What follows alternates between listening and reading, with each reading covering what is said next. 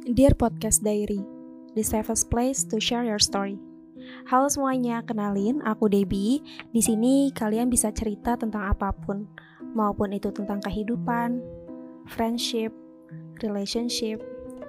Dan di episode kali ini, kita akan bacain cerita-cerita yang udah kita ambil dari teman-teman. Jadi, langsung aja kita baca ceritanya. Ada begitu banyak permasalahan yang lagi saya hadapi sekarang, Kak dari mulai abang saya yang bermasalah sama polisi, usaha ayah saya yang lagi sepi, uang harian dari ayah buat ibu yang semakin menipis. Pacar saya juga ngajakin lamaran di tahun depan. Padahal saya juga belum ada persiapan finansial yang matang buat menghidupi dia nanti. Saya juga sekarang belum dapat kerja semenjak saya lulus dari tahun kemarin. Ya kalau dipikir-pikir berat sih kak saya mau minta doanya ya kak, supaya saya bisa kuat dan semoga masalah yang lagi saya hadapi bisa selesai dan ada jalan keluarnya.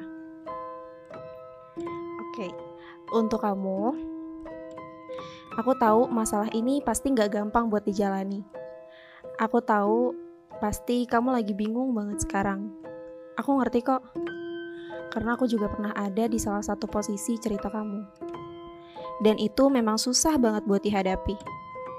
Lalu dari yang aku baca, kayaknya masalah yang lagi kamu hadapi itu terlibat sama orang lain ya. Ayah, ibu, pacar. Mungkin kalau dari aku, dan kalau boleh aku kasih saran, coba kamu selesaikan satu-satu masalahnya. Kamu coba omongin baik-baik sama mereka. Coba untuk jujur. Pasti mereka bakal ngerti kok. Jangan nyerah ya. Terus semangat. Kalau kamu ngerasa gagal terus, coba lagi.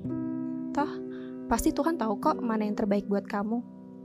Karena semuanya itu udah diatur sama yang di atas. Jadi, gak usah takut buat jalaninnya. Everything will be alright. Kalau capek, coba istirahat sebentar. Tapi nanti bangkit lagi. Tunjukin sama dunia dan semesta kalau kamu itu kuat. By the way, makasih ya udah bisa bertahan sejauh ini.